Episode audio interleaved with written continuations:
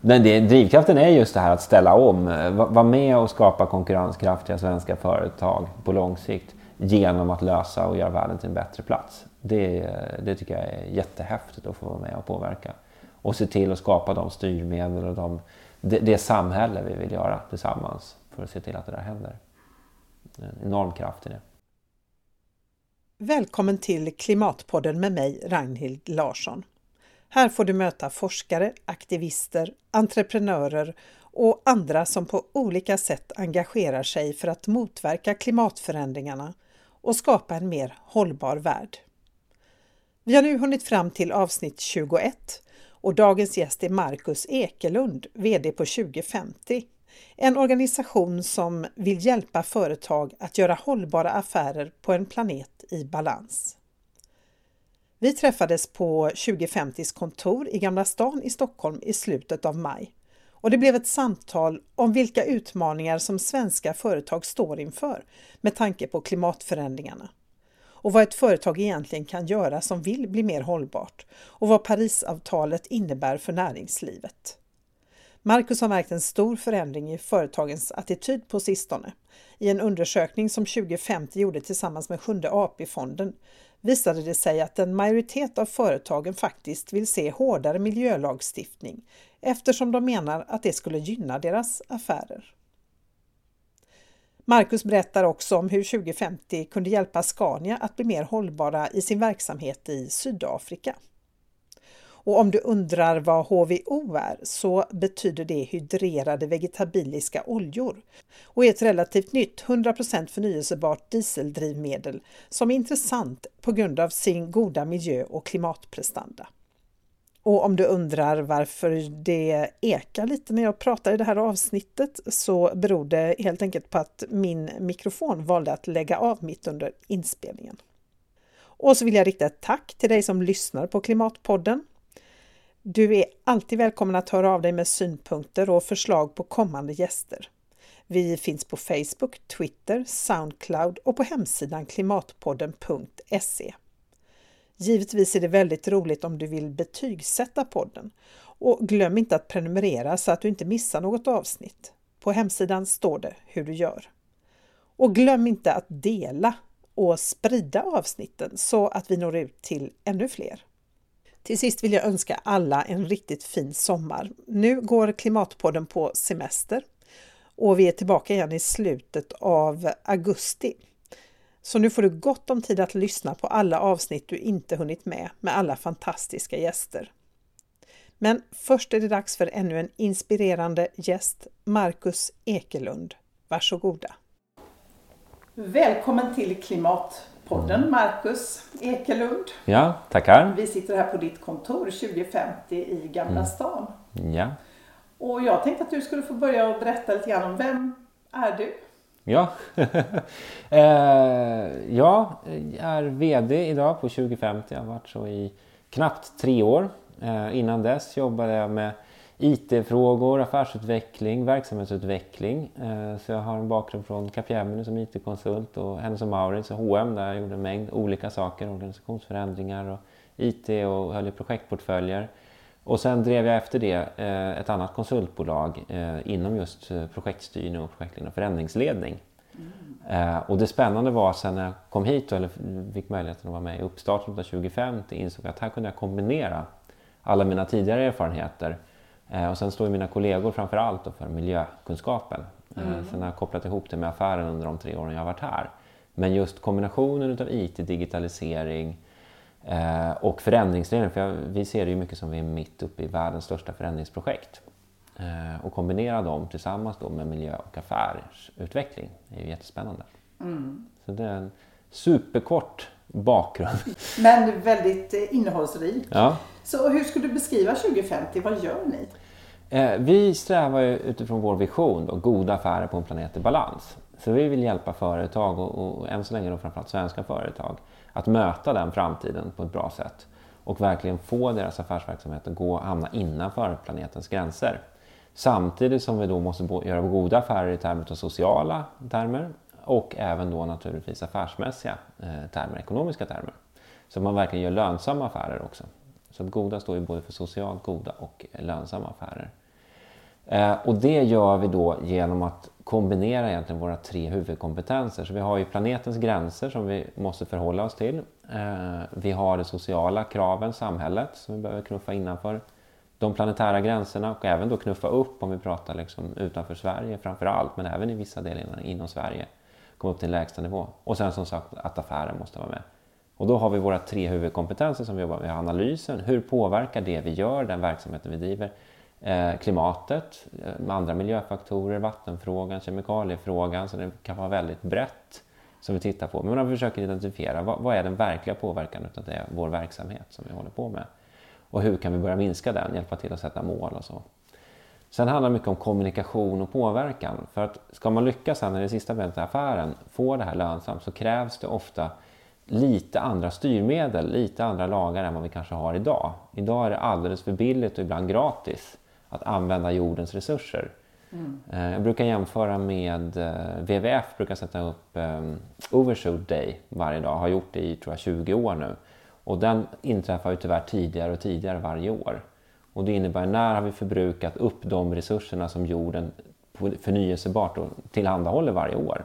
Så jag tror den var i mitten på augusti nu senast och risken är väl att den blir i början på augusti eller någonting i den stilen i år. Mm. Eh, jämför man då om man kommer över till affärsperspektivet sen så är det som om man kör ett företag och äter på egna kapitalet år efter år efter år. Eh, och det skulle aldrig en styrelse eller ägarna godkänna. Men, men i jorden så har vi ett annat problem som gör att vi fortsätter göra så, tyvärr. Det. Och det sista benet är då ren affärsutveckling. Hur kan vi få det här lönsamt? Hur kan vi hitta nya affärsmodeller? Hur kan vi hantera de affärsrisker och affärsmöjligheter som vi ser? Hur rör sig marknaderna och hur påverkar det de, våra befintliga affärsmodeller? Kan mm. göra någonting mer med dem? Hur medvetna skulle du säga att svenska företag eh, är om de här, de här utmaningarna vi står inför med klimatförändringarna? Det är naturligtvis väldigt olika. Eh, jag har reflekterat över det nu sista halvåret så upplever jag att det är någonting som har hänt. Det är ganska nyligen faktiskt som något dramatiskt har hänt i hur företagen ser på det här i det stora hela. Eh, nej, 20 år tillbaka så har vi de klassiska pionjärerna som, som var ute. Det, vi har sådana som Salt och Kvarn kanske, vi har Löfberg som var väldigt tidigt ute med eko och kaffe som har hållit på väldigt länge. Eh, under 2000-talet så började de här early adopters fatta grejen och då kommer de här stora som H&M på allvar började jobba med det, Unilever började jobba med det hela. Och i princip så har det varit den typen av företag fram till för ett halvår sedan som på allvar har gjort någonting. Det har varit de här stora globala företagen. Men vår analys är väl lite grann att eh, SDG, de nya hållbarhetsmålen från FN som kom under hösten, Kombinerat med att det verkligen blev ett Parisavtal där över 190 nationer faktiskt skriver under på att vi behöver göra någonting. Vi ska försöka hålla ner det till en och en halv grad. Mm. Eh, vilket är jättehäftigt faktiskt. Eh, och sen här i Sverige så kom sen då Miljömålsberedningen och var eniga sju partier om att vi faktiskt ska skärpa en aning till 2045. Vi ska, de föreslår en klimatlag, ett klimatpolitiskt råd, vilket gör att det blir precis den här enheten och den här långsiktigheten i vad man kan förvänta sig utav klimatpolitiken. Det finns massor med frågetecken kvar, men huvudriktningen är i alla fall väldigt tydligt satt. Och det gör att vi upplever att den här early majority som man brukar kalla det för när man går igenom de här faktiskt har börjat vakna till. Så att jag har länge sagt att en tredjedel har fattat, en tredjedel har det under bevakning, en tredjedel har inte fattat alls. Mm. Men jag tycker nu att det har svängt, så jag skulle säga att en, hälften av svenska företag har börjat fatta grejen. Eh, fråga, vi, vi ställde faktiskt frågan i december till alla företag som hade över 350 miljoner om en tuffare miljölagstiftning skulle gynna eller missgynna deras affär. Just på kort och lång sikt. Du skrev en eh, debattartikel i Svenskan. Exakt, ja. som delar av den tillsammans med Sjunde AP-fonden. Ja. Eh, och då, det häftiga då var att två utav tre företag på lång sikt skulle deras affär gynnas utav det. Och redan på kort sikt så var det hälften av företagen som såg att de faktiskt skulle gynnas utav det. Mm. Så det tyder på att man verkligen är med och förväntar sig det. Man, man nästan kräver att politiken faktiskt börjar ta kliv i den riktningen. Och det är inte bara enstaka företag utan det är många företag där ute som gör det. Just det, och då är ju frågan vad väntar politikerna på? Det är det man undrar, eller hur? eh, nej, men det är en rädsla. Det, det, det, finns ju naturligtvis vinnare och förlorare på det här när man liksom höjer upp. Det vi måste ställa oss frågan tycker jag, det är vilka företag är konkurrenskraftiga för Sverige i en framtid? Vad tror vi om? Och då tycker jag Parisavtalet har satt ett, ett tydligt avtryck. Att om vi inte direkt tror att för, eh, nationerna inte kommer följa det man faktiskt har sagt så kommer vi i, om 20-30 år vara en värld där klimatsmarta produkter är en förutsättning för att kunna vara konkurrenskraftiga. Och då kräver det att vi börjar förbereda oss här. Hur kan vi vässa våra företag att göra ännu smartare produkter? Som inte bara löser våra problem utan även världens problem. För det här kommer bli utmaningar som kommer att ha en enorm efterfrågan runt om i världen. Mm. Så är vi duktigast på det så har vi en enorm möjlighet som vi kan ta tillvara. Eh, och därför tycker jag det är jättepositivt nu när eh, en annan debattartikel som kom ut idag, eh, faktiskt i morse, det var ju Mikael Damberg och eh, Morgan Johansson som gick ut med obligatorisk hållbarhetsredovisning i Svenska Dagbladet. Att nu har de bestämt sig för att jo, nej, men de ska faktiskt ta med de här 250 företagen eh, och uppåt, vilket vi tycker är jättepositivt. För det är också första steget. För det var en annan sak vi noterade, att just den här gruppen innan de blir 500 är inne i ett väldigt kritiskt skede. Och de hinner oftast inte ta tag i den här frågan. Nej. Men genom att få lite hjälp på traven, för det här kravet är egentligen inte så tufft. Det finns en hel del revisionsfirmor så som vill blåsa upp det till att det ska vara en fullödig GRI rapportering. Men det... För att de ska kunna få uppdrag menar du att göra dem? Ja, jag vill inte säga det så, men, men det skulle kunna vara så. Ja. det skulle kunna vara så. Men det, lagkravet egentligen säger det att vi har fem dimensioner som vi ska titta på och göra en relevansbedömning utifrån vår verksamhet. Hur påverkas vi av de här fem områdena? Och, och, min övertygelse, vår övertygelse är att, att det är helt eh, en stor fördel för företag att faktiskt göra den analysen. Det borde man göra oavsett vilket, göra sin egen riskanalys och, och möjlighetsanalys. Hur, hur, påverkas vi av detta? Eh, vill man göra det lätt för sig så kan man uppfylla lagkravet genom att säga att det är inte relevant något av de här hållbarhetsmålen. Men det tror jag inte man vill skriva eh, utåt och visa, liksom att man, för då visar man verkligen på att man inte har förstått ja, någonting. Det, så det är liksom en annan sak. Men rent lagmässigt så, så, är inte kravet större än så egentligen. Nej. Det kräver bara att man på något sätt faktiskt har tittat på de här delarna. Vilken betydelse har sådana här styrmedel och, och, krav och regler för att eh, vända utvecklingen eller få få oss att gå i rätt riktning? De är ju jätteviktiga. Det finns ju två delar som, som driver utvecklingen i rätt håll. Det ena är de här företagen, de här pionjärerna liksom tidiga, som är väldigt tidiga på att flytta fram positionerna för vad som är rimligt, vad kan man förvänta sig. De håller ju på hela tiden att knuffa eh, konsumenterna, knuffa sina kunder framför sig och säga att ah, ni bryr er inte om hållbarhet så här mycket men ni borde göra på grund av de här sakerna. De är ju superviktiga. Men sen har du den andra delen och det där kommer laget och styrmedel in. Det är den här lite grann ribban, lägsta ribban. Att lyckas höja den så vi får med oss den, den stora majoriteten av företag. Plus att varje gång vi höjer den så kommer de här pionjärerna kunna ta ett steg till. Eh, för då får de en bättre bottenplatta att stå på så att säga, som de kan eh, sen ta nästa steg. Mm. Eh, och det är svårt rent lönsamhetsmässigt att gå längre än vad de där pionjärerna gör idag. För då börjar det kosta lite för mycket pengar helt enkelt att ligga in the bleeding edge, liksom, ja, framkant där. Så att, äh, därför är det jätteviktigt och kan påverka. Och sen är det rent principiellt helt fel att, att uh, naturresurser så inte kostar något. Det, det är en väldigt konstig ja, grund. Men jag tänker det här sättet vi räknar BNP och på så här, det har man ju pratat om, jag menar redan när jag läste internationella relationer för mm. hundra mm. år sedan. Ja, precis. så pratar man om detta. Ja. Jag tänker, varför händer det så lite? Alltså det, det, är så uppenbart för de flesta att BNP är ett väldigt snävt mått att räkna och att man inte har ett mm. vidare sätt där man tar med sådana här saker som vad det faktiskt kostar för miljön och så. Varför går det så långsamt? Brist på bättre skulle jag säga. Ja. Eh, och, och nationalekonomerna har nog inte hittat någonting bättre. Eh, men jag ser ändå tecken på att det där håller på att luckra upp sig nu. I, för, för, för mig handlar det väldigt mycket om, jag såg en trend för tre år sedan när jag började med det här, då hade jag ett litet mått kring Dagens Industri. Hur många artiklar i Dagens Industri handlar om hållbarhet och klimatfrågan i synnerhet? Då var vi jätteglada, varannan, var tredje vecka så här dök det upp en artikel. För, och det är bara för tre år sedan. Idag går det inte att slå upp tidningen utan att det är ett par, tre, fyra artiklar varje dag på det här temat. Mm. Eh, och någonting har, har verkligen hänt där. Och lite är det samma sak med BNP om man tittar på vilka säger det här. Jo, nu såg jag i The Economist senast förra numret pratar de just om BNP och alltså BNPs brister och hur dåligt det faktiskt beskriver det vi är ute efter och välfärd. Det kom till efter eh, andra världskriget när det var rena produktion. Alltså hela produktionen ser helt annorlunda ut idag på alla sätt och det är egentligen inte bara en hållbarhetsfråga.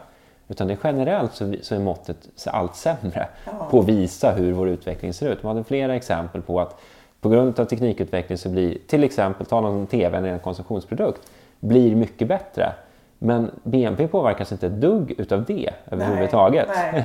Och det gäller tjänster, det finns mängder med sådana exempel där vi får så mycket mer idag än vad vi fick för tio år sedan. Men det, det syns inte alls. Eh, och sjukvård hade de som ett annat exempel. Att vem vill backa liksom 30 år tillbaka för den sjukvården vi fick? Men ändå har BNP-utvecklingen kanske inte inom det området varit så stor. Nej. För vi lägger inte mer pengar på det. Men vi får så mycket mer. Och det fångas liksom inte. Så, så det finns många, många, så det pågår nu en diskussion i rätt kretsar om man kallar det för det. Nämligen de som faktiskt kan påverka och göra någonting åt det och fundera på, på, på bättre mått. Eller åtminstone kompletterande mått. Och vilka är de rätta kretsarna? Eh, då, då tänker jag på nationalekonomerna, Ja, de ja. som faktiskt har politikernas öra eh, och, och börjar diskutera på den nivån. Det, det är framförallt de jag tänker på just, just det fallet. Eh, så, så det är det som är tricket och det är mycket det som är, är eh, det som våra kunder uppskattar. Vi för dialogen på deras språk utifrån ett affärsmässigt perspektiv. Att varför ska ni eh, jobba med hållbarhet? Jo, för att ni tjänar pengar, ni, ni minskar era risker, ni minskar era kostnader, ni kan skapa nya affärer, varumärke, få större lojalitet bland era medarbetare. Det är den typen av argument som vi använder när vi pratar eh, om det. Och dessutom kan vi rädda världen och göra den till en bättre plats. I den ordningen. Och detta lyssnar Absolut. företagen på? Jo, de gör det bevisligen. bevisligen. jo, nej, men inte alla. Men, men vi har ju varit väldigt tydliga just det här med världens största förändringsprojekt och så att vi ska liksom dit. Eh, och jag kunde tycka det var lite läskigt som VD då och, och faktiskt aktivt tacka nej till kunder som inte på riktigt vill gå åt det hållet.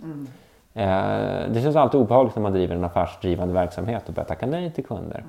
Men vad jag märkte var att genom att vara så tydliga med vad vi faktiskt ville så blev vi som en magnet för de kunderna vi vill ha nämligen de som vill på riktigt. Så vi har ju kunder som hör av sig och säger att ja, men vi vill jobba med er, vi vet inte riktigt än med vad, men kom så kan vi prata och se vad vi kan hitta för någonting. Liksom. Spännande. Just för de vill också vara med på den resan. Och det är ju jätteroligt. Att, Verkligen. att tillsammans med våra kunder faktiskt förflytta liksom, eh, framåt.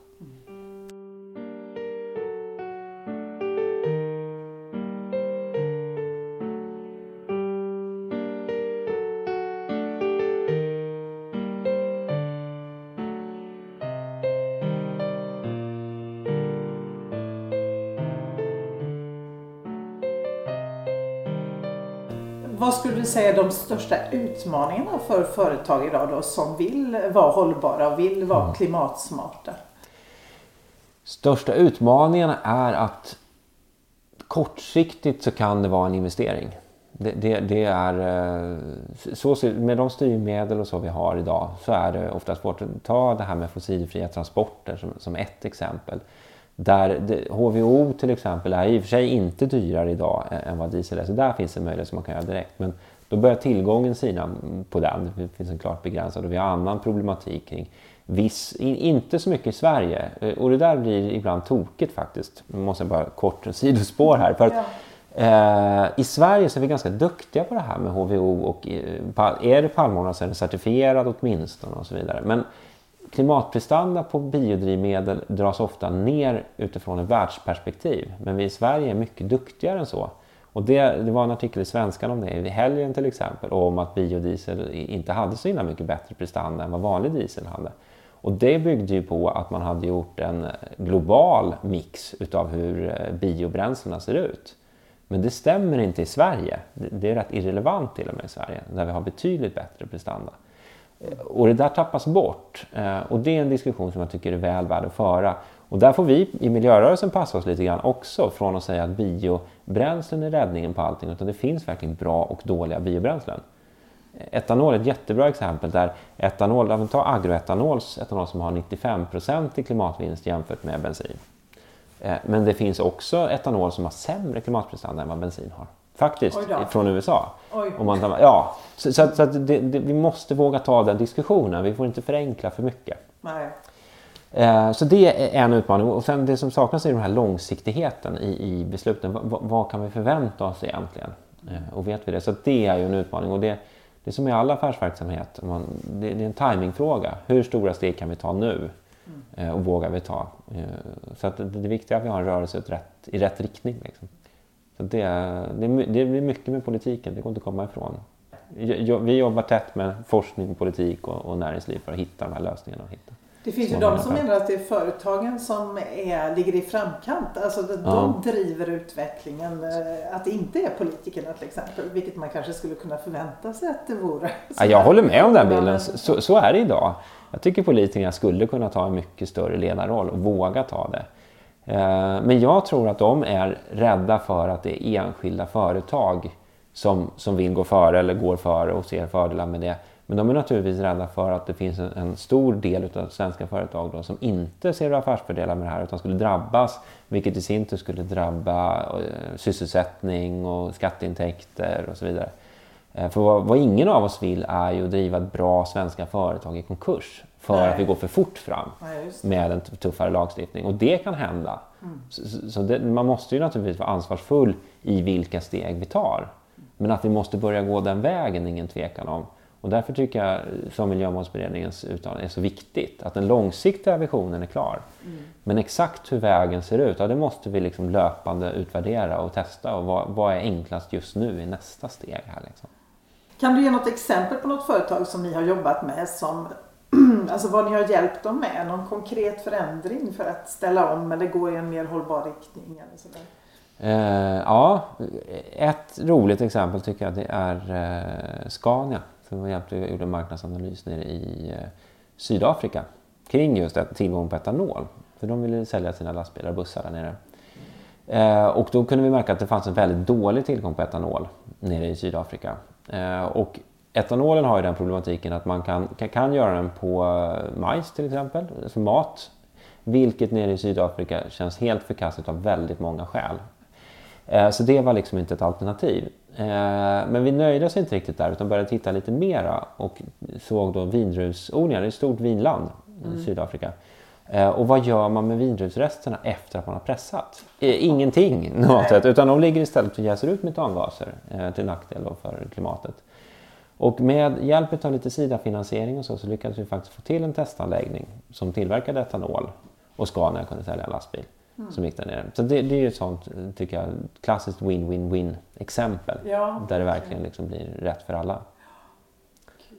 Så det, det är ju roligt när, när vi lyckas med det. Ja. Du, hur väcktes ditt intresse för miljöfrågorna och klimat det, det, är ju dryga tre år sedan egentligen, på allvar ska jag säga. Jag har väl alltid varit intresserad så, men, men, där jag kände att ja, men det här är verkligen någonting som jag skulle vilja jobba med. Eh, det var när 25 precis hade grundats så hade de behov av någon som hjälpte till att sätta upp allt praktiskt runt ett företag, kontakt med Bolagsverket, få ekonomin att fungera, fakturering att funka och så. Och jag var precis i ett läge där jag hade klivit av eh, mitt förra resa där eh, av olika anledningar.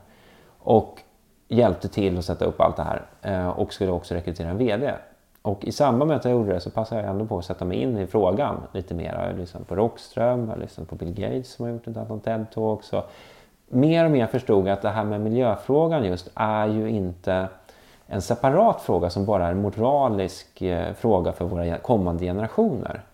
För, för det får jag erkänna att fram till dess hade jag nog ganska mycket sett det som en jätteviktig fråga och vi ska naturligtvis ta ansvar för kommande generationer. Och jag gillar verkligen det här indianordspråket med liksom, att man, man vandrar i andras mockasiner och man lämnar efter sig det här, liksom, tanken på det. Man har marken till låns. Mm.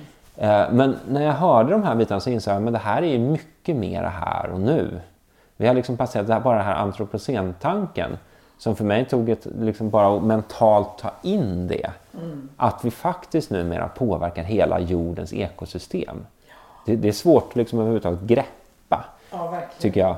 Men när jag insåg det, att vi gör det och jag insåg hur eh, arabiska våren påverkas av sämre skördar i, i eh, Ryssland som i sin tur liksom kommer bli allt vanligare med klimatförändringarna. Eh, och jag insåg hur det här kommer påverka affären. Så insåg jag att här kan jag kombinera mitt brinn för hur affärer drivs och, och hur affärer utvecklas med en, en större fråga, ett större syfte, ett högre syfte. Eh, så då föreslog jag helt enkelt och frågade om jag kunde bli VD. och, och, och, då tyckte de att det var en bra idé. Så, så det var på den, eh, den resan, eh, just därför jag kunde se att man gick att kombinera affären med ett miljöengagemang och göra världen till en bättre plats. Ja. Gav det ditt jobb större mening skulle du säga? Ja, utan tvekan. Det är ju urhäftigt. Jag har aldrig haft ett så kul jobb på det viset att man, ja men just vad som står i tidningen idag, vad som sägs på P1 i morse påverkar det man gör.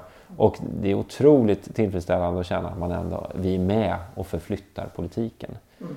Eh, inte minst via de nätverk vi driver, bland annat Haga-initiativet, så kan jag uppleva att Haga-initiativet verkligen har lyckats förflytta positionerna. Mm. Berätta lite om Haga-initiativet för de som inte känner eh, till det. Ja, det, det, är ett företagsnätverk som har en vision, eh, ett lönsamt näringsliv utan klimatpåverkan. Så det är 15 stora företag, eh, Coca-Cola, Volksam, Axo Nobel för att nämna några utav dem, som är med eh, och just driver en ganska starkt och tydligt eh, opinionsbildning kring frågan, att vi måste ta tag. Det blev rätt mycket uppmärksamhet för ett år till exempel där de var bland de första som gick ut och sa att Sverige borde faktiskt ha en nära nollvision för 2030 kring klimatutsläppen eller koldioxidutsläppen. Och det i sin tur tycker jag har lett till liksom en, en fortsatt dialog. Och, eh, Fossilfritt Sverige startar liksom med, med, lite samma tankar. Att, att det har förflyttat eh, vår syn på det här. Liksom. Eh, så det, det, är jättehäftigt när det händer den typen av grejer. Man känner att vi, vi är med och påverkar det. Hur skulle du säga att Sverige ligger till, eh, alltså svenska företag, svenska näringslivet ligger till jämfört med resten av världen? Alltså var befinner vi oss på skalan här? Vill... Man kan ju å ena sidan säga att vi är inte de som drabbas eller än så länge märker Nej. så jättemycket av klimatförändringarna. Precis. Eh, men eh, ja. Jag tror att det i sig är en utmaning för oss. För vi ligger idag ganska bra till. Mm. Men vad vi inte alltid inser är hur otroligt snabbt det går i övriga världen. Precis som du är inne på, ja, ta vattenfrågan som ett exempel med Indien, Mexiko, Kina. Där man märker av det här nu. Det är klart att det blir ett himla driv på att lösa de utmaningarna. Och om inte vi passar oss och just driver på för att vara med så kommer vi bli omsprungna väldigt, väldigt snabbt. Så att vi ligger bra till men de andra rör sig just nu faktiskt mycket, mycket fortare skulle jag säga. Mm. Så att eh, det finns alla anledningar att snabba på för att behålla vår konkurrenskraft. Mm. Det är precis det det handlar om. Men är det, jag tänker svenska företag, är de på vilket sätt märker de av det överhuvudtaget? Av klimatförändringarna eller att nu liksom, att det påverkar deras affärer? Rent konkret eller handlar det mer om att, de är, att man måste vara långsiktig och tänka det kommer nog att påverka mig. Mm. Och jag vill dessutom vara en god människa och därför så... Ja, det så, finns så båda sätt, delarna skulle jag säga. Ja. Båda delarna. För att ta ett annat sånt paradigmskifte om man tar det långa perspektivet först var ju, tycker jag, när SSAB, LKAB och Vattenfall gick ut med en debattartikel då man för första gången på allvar gick ut och sa vi vill inte vara en del av problemet, vi vill vara en del av lösningen. Och säger att det går att ställa om eh, ståltillverkningen till en betydligt lägre koldioxidutsläpp. Hela masugnstekniken skulle då behöva utvecklas till att använda vätgas istället och så. Men det kommer kräva en massa investeringar. Här måste liksom staten och näringslivet gå hand i hand och, och, och göra det här tillsammans. Och det är ett jättestort paradigmskifte där man verkligen ser och, och bekräftar lite grann här. Men på lång sikt så måste vi bli ännu bättre. Vi är bland de gör det klimatsmartaste stålet som finns i världen idag. Men ska vi göra det även om 30 år så behöver vi redan nu börja investera. Så det är ju den, den typen av långa. Sen finns det ju en hel del som märker av det här redan idag.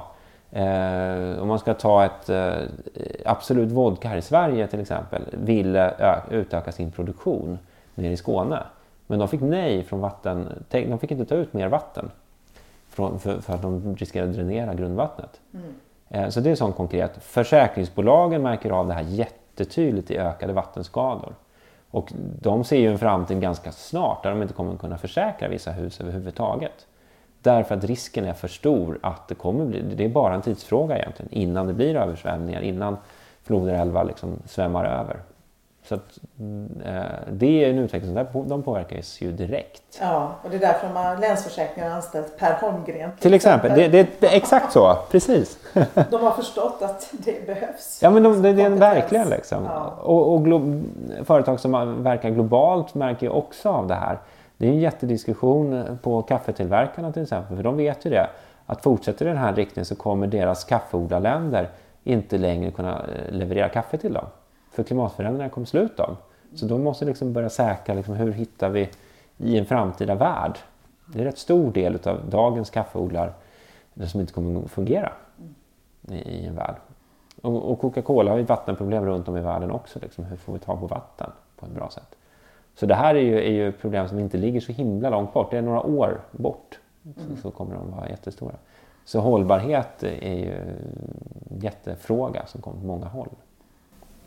Vad tror du? Tror du att vi under nuvarande vad ska vi säga, marknadsekonomiska system mm. kommer att, att lyckas få en hållbar värld? Jag menar, det finns ju debattörer som Naomi Klein som har skrivit den här mm. boken This changes everything och hon menar ju att vi måste liksom totalt ändra samhällsstrukturen för att den ska bli mer hållbar. Hur, hur är din syn med din bakgrund på detta? Nej, jag tror om man lyckas med det, vilket, vilket eh, finns många utmaningar kvar med, liksom, men att, att sätta ett pris på koldioxid, ett globalt pris. Eh, lyckas vi internalisera, som man pratar om externalitetskostnader, lyckas vi sätta ett pris på sådana här tillgångar så är den mekanismen otroligt kraftfull. Mm. Så att klarar vi det så, så, kan jag ändå se att vi inom nuvarande system skulle kunna lösa de flesta av våra hållbarhetsutmaningar. Eh, sen är frågan, och, och jag tror även, även om det är en enorm utmaning att få det här att fungera, eh, ta de stegen, så tror jag ändå att det är lättare än att helt kasta omkull det systemet vi har. Det, det motståndet för en sån förändring är så kompakt och så stort så det, det är ingen lätt match att ta. Liksom. Nej, nej. Eh, och jag, tycker, jag skulle igen vilja lyfta de här hållbarhetsmålen som FN satte upp i den här riktningen som är ändå också där världen återigen har kommit överens om 17 riktigt relevanta mål. Eh, och ett bevis på att de också upplevs som relevanta tycker jag är att det är väldigt många företag som redan har börjat integrera dem i sina strategier. Hur bidrar vi till, till de här 17 målen? På vilket sätt i vår verksamhet? Och det är precis så vi måste jobba, alltså som en verksamhet måste jobba. Vilka våra största hållbarhetsutmaningar och var kan vi bidra mest med våra produkter? Så man får just affären och hållbarheten att gå hand i hand. Att blir vi mer lönsamma, säljer vi mer produkter eller tjänster utav vårt, så blir också världen bättre än vad den var igår. Mm. Får man det att gå ihop så, så är man ett framgångsrikt företag både idag och imorgon. Mm. Hur stark är konsumentkraften skulle du säga då? Alltså, alltså konsumenter och vanliga medborgare som driver på? Den är stark men den, den räcker inte hela vägen fram. Nej. För att ibland gömmer sig politiker bakom det att men det är konsumenterna som måste... Men det är inte rimligt att kräva... Det finns flera skäl till att det inte är rimligt att kräva av konsumenterna att göra det. Det första är att ja, men det finns en, en hel del konsumenter, framförallt i andra länder, som faktiskt inte har råd idag att, att betala mer eh, av olika skäl. Det är det ena. Det andra är att det idag är så fruktansvärt svårt med transparensen. Att vad är egentligen en bättre ja, produkt? Det är ju nästan omöjligt. Man, blir ju... ja, man måste vara fruktansvärt påläst. Och ändå så känner man ibland att man, man får nya, aha okej, okay, det var inte heller riktigt bra. så att det är många som ger upp långt innan dess. Mm. Eh, och det förstår jag verkligen folk som gör och känner att nej, det här går ju inte. Och så får man ja, göra så gott man kan helt enkelt. Mm. Så det är två, två väldigt tydliga skäl till att det räcker inte utan politiken behöver göra mer. Och det kan också kännas väldigt futtigt. Liksom. Ja. Jag menar när vi står inför de här faktiskt enorma utmaningarna som vi gör. Att, eh, att tänka att om jag sopsorterar nu så kommer allt att ordna sig. Nej. Alltså, det är bra att sopsortera. Det är bra. Det, liksom. det kommer inte räcka. Nej, men så är det och, och det där var ju en, en deprimerande insikt som jag gjorde då när jag började liksom sätta mig in i den här frågan. Och just den här känslan av att, ah, okay, att om alla blev vegetarianer, alla började sopsortera, nu pratar vi hela världen. Uh, alla skaffade LED-lampor. Ja, det tar oss ju en liten bit på vägen, men det kommer inte räcka ändå. Utan, det här, utan, utan den stora utmaningen är ju energisektorn och få till den. Men dels så känns det bra att faktiskt bidra med det man kan bidra med. Eh, så, så det är viktigt att fortsätta med den och, och skapa det konsumenttryck vi ändå kan skapa är viktigt. Eh, men det ger också forskningen lite mer tid och eh, näringslivet lite mer tid att hinna ställa om. Så därför är det otroligt viktigt att göra det. Mm. Eh, och sen driva på som sagt politiken så att vi ökar omställningstakten ännu mer. Så det, även om det i sig inte löser frågan så är det en viktig liksom, symbolhandling, det är en viktig liksom, bevis på att vi vill och går åt rätt håll. Mm. Det är som Per Holmgren säger, det minsta vi kan göra är så mycket som möjligt. Så ja, man får väl göra det. Men man får göra det, verkligen. Liksom.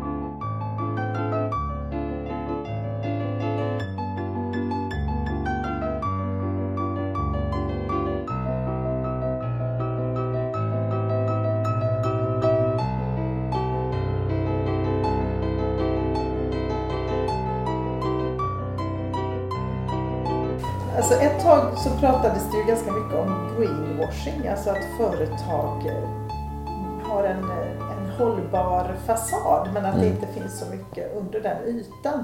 Hur stort är det problemet skulle du säga? Alltså, det finns fortfarande fast det är mycket, mycket mindre. Mm. och jag tror på just att det var en så stor greenwash-diskussion i kombination med sociala medier gör att om företag inte gör det de säger att de gör så slår det tillbaka så väldigt snabbt och hårt idag. Mm. Eh, och där är ju konsumenttrycket kanske som allra tydligast. Snarare på det viset att man tappar varumärken, man tappar lojala kunder. Eh, och det är alldeles för dyrt. Mm. Och det där har företagen lärt sig. Så det är ju jättehäftigt när, när vi hade Greenpeace VD här för eh, en månad sedan. Och hon pratade lite grann om vad som händer och hon upplevde lite grann att det, det känns så här att Greenpeace behöver nästan omdefiniera sin roll nu. För att de har gått och knuffat den stora majoriteten av företag uppför, uppför, uppför. Liksom, ni måste ta tag i det här, ni måste ta tag Men plötsligt har de kommit över krönet och de nästan får springa i fatt majoriteten av företag som liksom kör och, och, de gör det här och vill och kommer snarare fråga om råd. Och där har ju, tycker jag, NGO-erna ändrat eh, attityd också. De har blivit mycket mer hjälpande istället för bevakande poliser som säger ja, att ja, men det här har ni inte gjort och det här har ni inte gjort.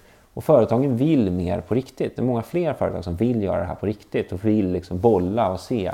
Vi vill göra så mycket vi kan inom våra ekonomiska ramar och vad vi kan göra. Mm. Vad, vad, är mest, vad är bäst? Var ska vi börja? Mm. Mm. Och då hjälper de till istället för att liksom bara stå bredvid och säga vad som inte är gjort. Mm. Sen finns det ju naturligtvis kvar företag som är de här sista lägerserna som, som halkar efter som man fortfarande behöver knuffa på. Men då är det i slutändan faktiskt lagar och, och styrmedel som behöver till för att få bort det. Just det. Och, ja. Jag tänker på till exempel Nespresso som är ju så otroligt populär, de här mm. Eh, apparaterna ja. med små ka kaffekapslarna.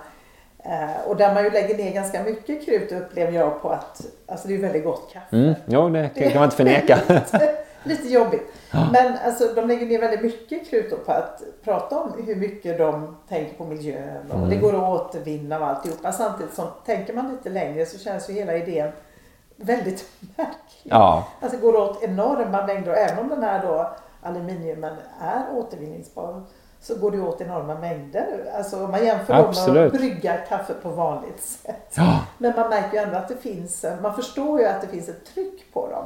Verkligen. Så att, ja. Nej, och, och, och någonstans så tycker jag det är viktigt här att man hela tiden rör sig. Det viktigaste är rörelsen och, och takten framåt på något sätt. Att så länge de gör, gör sitt kaffe bättre så, så, är det bättre än att man inte gör det så att säga. Mm. Eh, och, och, det som jag tycker är viktigt och skulle vilja komma till det är någon form av klimatmärkning eller liknande på produkter generellt. Ja. För då kommer det där slås ut. Och, och, för har vi tagit klimatmärkning så är steget mycket kortare sen till att börja sätta någon slags pris på detta. Liksom. Mm. Eh, och då kommer produkter som inte håller slås ut vartefter. Och så vartefter så kommer vi få bättre och bättre produkter. Och, och, den dagen som de inte lyckas bli bättre och det blir väldigt tydligt att det är andra sätt att lösa det på som är bättre ur ett, hållbarhetsperspektiv, ja då kommer det lösa sig av sig själv. Mm. Så, så, på det viset tror jag verkligen på marknadsmekanismerna. Mm. Om man bara får dem att, att spela utifrån de verkliga eh, förutsättningarna, de planetära gränserna och liknande. Men finns det några sådana, låter ju väldigt eh, vettigt med en klimatmärkning. Finns det några sådana initiativ på gång? Eller? Ja, det pratas om det ibland och framförallt inom vissa branscher. Eh, till exempel tycker SSAB att det skulle vara väldigt bra om man, om man fick in en sån klimatmärkning. Och man kanske började ställa krav på det sättet. Mm. Eh, Cementa, och, och, det är det företagen blir lite frustrerade över. Cementa har ju också en, en nollvision till 2030 och de säger, uttrycker sig så här, men tillåt bara köpa in eh, koldioxidneutral cement så ska ni se att vi löser det. Liksom. Så att ibland handlar det bara om att våga göra det. Ehm, men det är klart, det blir lite dyrare sen.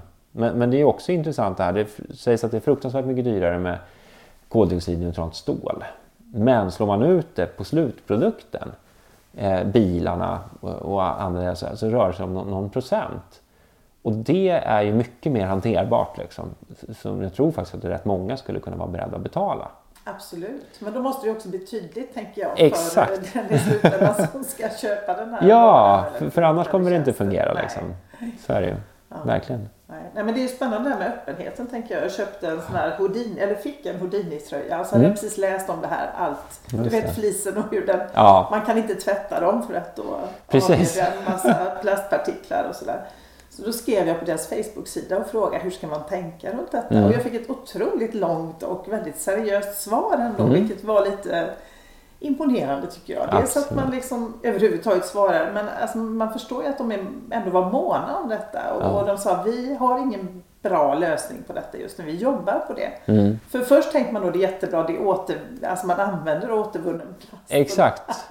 Men i andra ändan då så. Det är så komplext ju. ja, liksom. det är liksom. verkligen det. Eh, så att det är, och, och, ibland så ställs man ju, egentligen så är det inget motsatsförhållande, men ibland upplevs det nästan så att det ställs cirkulärt gentemot just andra miljöperspektiv. Ja, det är mer cirkulärt som du säger, men, men de andra miljöperspektiven, hänger de med liksom? Mm. Mm. Det är mer cirkulärt men genererar mer utsläpp. Är det bättre då eller sämre? Och, och det är jättesvårt mm. att, att, svara på. Samtidigt är min övertygelse om att generellt så, så, går vi mot ett mer cirkulärt samhälle så är det mycket, mycket bättre. Mm. mm. Så att, um... Jo, exakt. Jo, men så är det ju. Så rådet var väl tvätta inte så ofta. Tvätta så sällan du bara kan, ja precis. så det... Vädra. Ja, vädra ja. Jo, vi tvättar ju kanske lite för ofta överhuvudtaget. Om du skulle ge ett tips till, eh, det kanske är väldigt svårt eftersom det ser så olika ut, men eh, vad är det viktigaste för ett företag att satsa på då, om de vill bli hållbara? Det viktigaste är att reda ut just vilket som är det viktigaste området om man säger så. Faktiskt det är det första, om man inte har gjort någonting annat innan så tycker jag det är det första man ska göra. Det är en ordentlig väsentlighetsanalys. Var kan vi ha vår största påverkan? Eh, på att göra världen till en bättre plats. Försök identifiera vilka områden det är. Var, var har ni störst negativ påverkan och var gör era produkter mest nytta? Hur kan ni vara med och, och bidra till, att, eh, till en eh, bättre lösning, en bättre värld? Eh, där hittar man svaret på de två frågorna så har man kommit väldigt långt. För sen kan man bryta ner det. För hållbarhet tenderar ju till att bli ganska luddigt ofta eh, och när man slänger sig med det så är det liksom Ja, det kan betyda väldigt mycket. Verkligen. Vad Allt, som helst. Vad som helst. Allt ifrån hållbar mjölk till, till en, en hållbar och långsiktig verksamhet som är bärkraftig som man säger i Norge. Det, för, det, för mig är det mycket det det handlar om egentligen. En bärkraftig som verkligen inom planetens gränser ryms på socialt godtagbart sätt och som är ekonomiskt hållbar. Mm. Jo, för det sista är ju också viktigt för annars ja. blir det ju inte hållbart. Nej, det blir ju inte det. det, det, det man, man får inte glömma det, liksom, den faktorn, för det kommer inte hålla då över tid. Det var Unilevers VD uttryckte sig till och med en gång när han pratade inför WWF tror jag, eller om det var några andra NGO, liksom att vi jobbar båda två med hållbarhet. Men vi är lite mer hållbara, för vi är också ekonomiskt hållbara och ekonomiskt ja, lönsamma. Liksom. Ja. Och, och, det är en poäng i det faktiskt. Ja, faktiskt. Jo, för räknar man på det sen då, om man nu går i konkurs och massa människor blir utan jobb och jag menar det, är ju, ja, det kan ju få ganska många konsekvenser och då gör man ju inget avtryck alls. Nej, det blir jättesvårt att liksom vara miljövän då liksom, i ett sånt scenario. Det är lite svårt att bara enbart att vara god. Mm. Att inte, man måste ändå ha mat på bordet. Exakt, det gäller även de goda. ja, exakt. Ja vilka branscher som, eller företag som kommer till er, de kanske har en jättegod vilja men där det är ändå väldigt, vilka branscher är svårast att, säga, att ställa om? Ja, Sveriges stora utmaning är ju transportsektorn. Ja. Eh, och, och, det är både svårt och inte tycker jag egentligen. Det är ganska tydligt vad som skulle behövas men i och med att det ser ut som det gör så är det väldigt svårt. Och det, det är liksom en, en otydlighet långsiktigt. Det har varit väldigt hatt fattigt i liksom vilka regelverk som gäller och vilka styrmedel som gäller. Eh, och det som har kommit upp nu senaste året är väl den insikten på flera och fler håll att det kanske inte är Sverige som är stora bekymret utan Sverige skulle istället behöva resa sig och åka ner till Bryssel och till EU och ta en ordentlig diskussion just om det här med biobränslen och hur olika det kan se ut och kan vi komma överens om ett sätt att värdera biobränslen så att vi får en eh, bioekonomi med biologisk mångfald så att vi inte behöver välja mellan de två till exempel. Eh, och att vi får med de här perspektiven som man i Europa med viss rätta är så rädd för.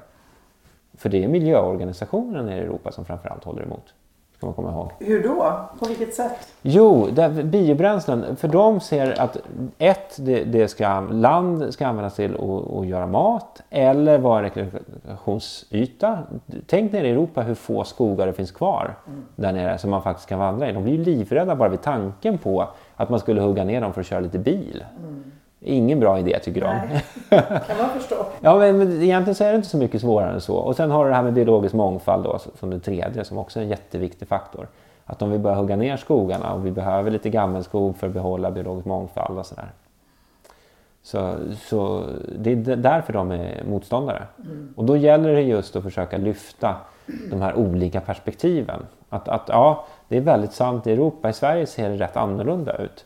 Jag är övertygad om att vi i Sverige kan ha en, en rätt utbredd bioekonomi eller biodrivmedel och fortfarande säkra eh, den eh, biologiska mångfalden och fortfarande säkra att vi har matproduktion som fungerar. Och sådär. Så olika lösningar på olika platser i världen helt enkelt? Absolut. Väldigt rimligt. Ja, och det gäller bara att hitta ett sätt att hur mäter vi det här? Hur säkrar vi att, eh, att det fortfarande är på ett bra sätt? Ja. Det, är, det är den biten som saknas istället för att kategoriskt säga nej för att det finns dåliga exempel. Eh, för problemet är att som det är nu, då säger vi ju nej till det. Men vad är alternativet? Jo, det är att fortsätta som vi gör idag, det vill säga med fossila bränslen. Eh, och ja, det är ju... Inte det sämsta. Ja, det är ju det sämsta. Men det liksom är ju någon slags, det finns redan där. Och, och så att den, den, diskussionen tar man inte riktigt. Men det är bättre då liksom. Nej, det är det ju inte. Nej. Det är betydligt sämre. Du var inne lite på Parisavtalet förut och eh, om jag förstod det rätt så är du ganska positiv ändå. Alltså man har ju hört både och mm. efter Parisavtalet. En del som är besvikna och andra som tycker att yes, jag såg vad heter det, Naturskyddsföreningens eh, ja. ordförande, vad heter han? Svante? Ja, nej, eller ordförande och Johanna då. Ja, men, nej, men det var Svante. Ja på tv som nästan, och han gjorde någon sorts eh, dans där nästan. Han var jättelycklig ja. efteråt. Och det var ju, så det var ju verkligen både och. Men vad är din bild av?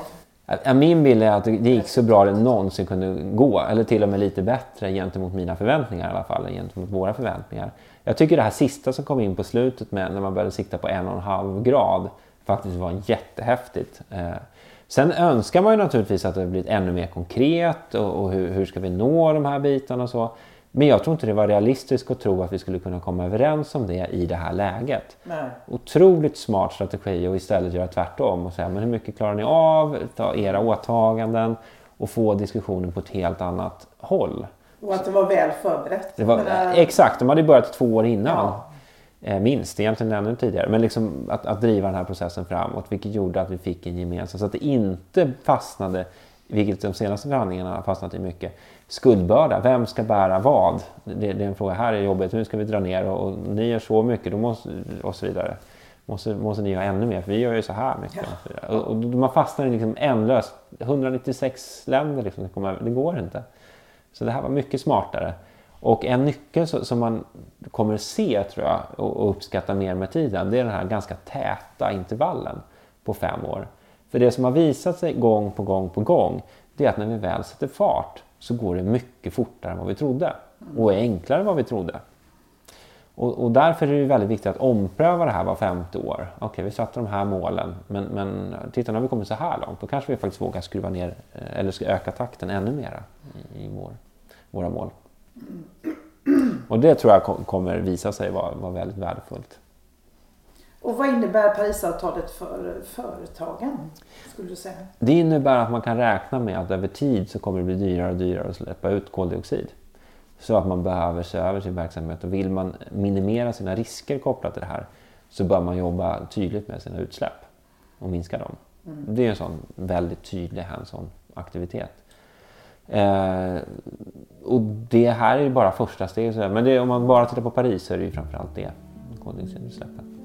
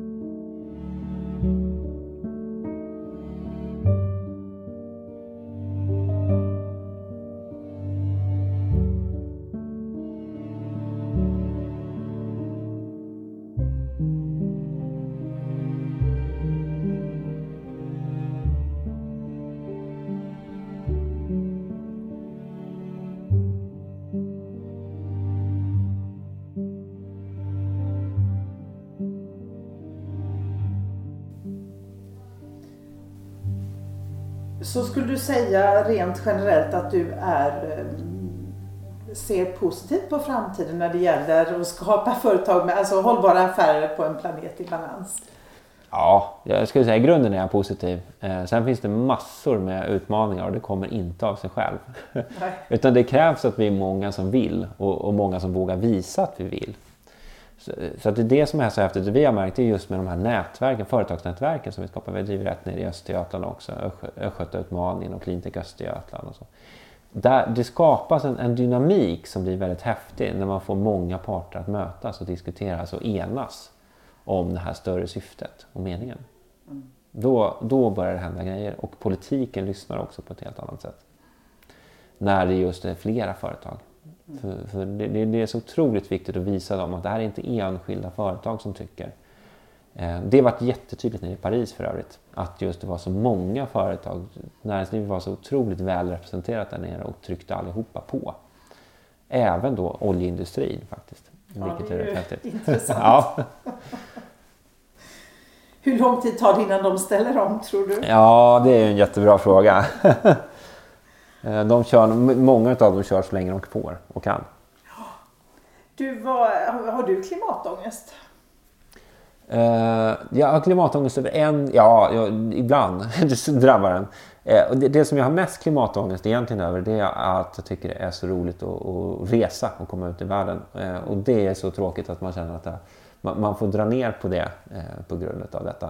så där tycker jag, och det finns så många positiva sidor för mänskligheten att vi reser också. Eh, men, men vi, det finns ju hopp i alla fall. Vi börjar ju titta på biobränslen och så vidare så, så vi är på gång och de blir mer och mer bränslesnåla. Eh, det var ju något häftigt test nu nyligen såg jag på något solcellsdrivet flygplan, inte för trafik men som faktiskt drevs med förnyelsebar energi och flög runt hela jorden. Ehm, men det är ingenting som vi alla får plats i flyga än så länge. Men det kanske kommer. Ja. Så, så det, det, måste man liksom fortsätta med. Så det är väl det, det som jag själv känner. Annars så ser jag liksom en framtid där vi kan leva klimatsmart och hållbart som är mycket, mycket bättre än den vi har idag. Och den visionen, hur den ser ut, tycker jag vi borde jobba mycket, mycket mer med. Mm. Eh, för det här är inte en uppoffring, liksom en, en, en serie uppoffringar vi behöver göra. Utan tvärtom så är det saker som blir mycket bättre. Fler videomöten skapar mer tid med liksom familj och vänner här. Man slipper en massa restid. Eh, det finns massa sådana här livskvalitetshöjare i att leva mer klimatsmart också. Just det, det är inte tillbaka till stenåldern? Absolut inte, det, det tror jag inte alls på faktiskt. jag tror ganska få tror på det faktiskt. Nej men just det här med resandet är ju intressant tycker jag. För det återkommer alltid i de här intervjuerna. Alltså det, det, för det är någonting som de flesta tycker om att göra. Mm.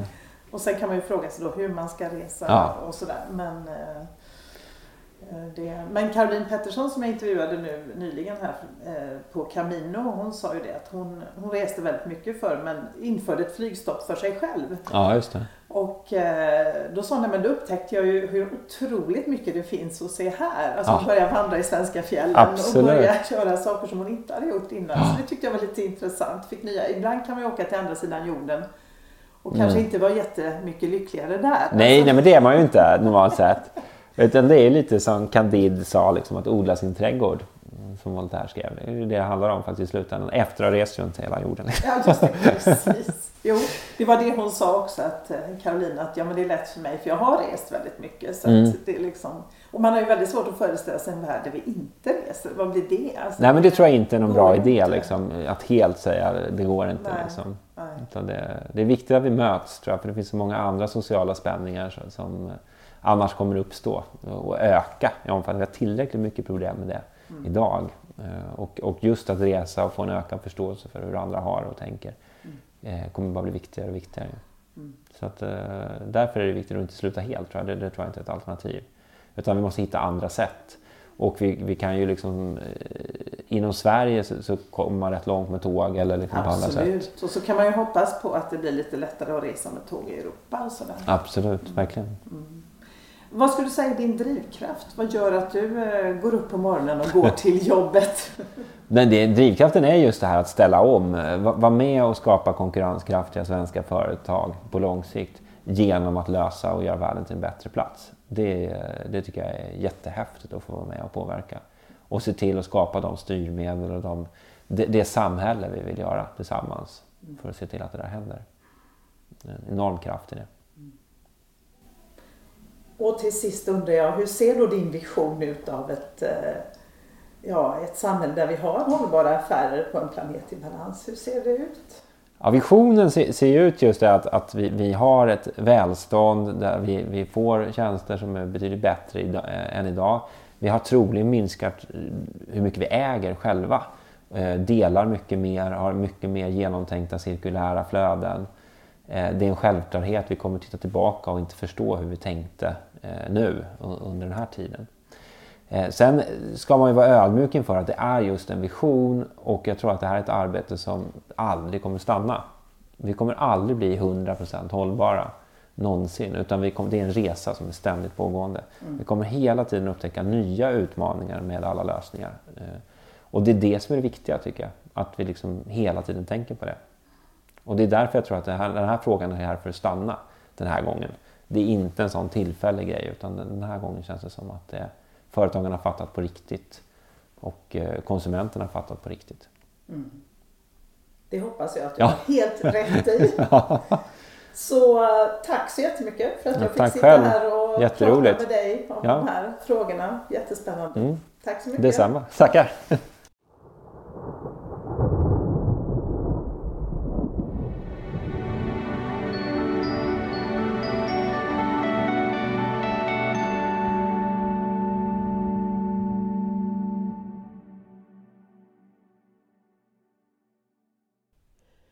Du har lyssnat på Klimatpodden med mig, Ragnhild Larsson. Dagens gäst var Marcus Ekelund.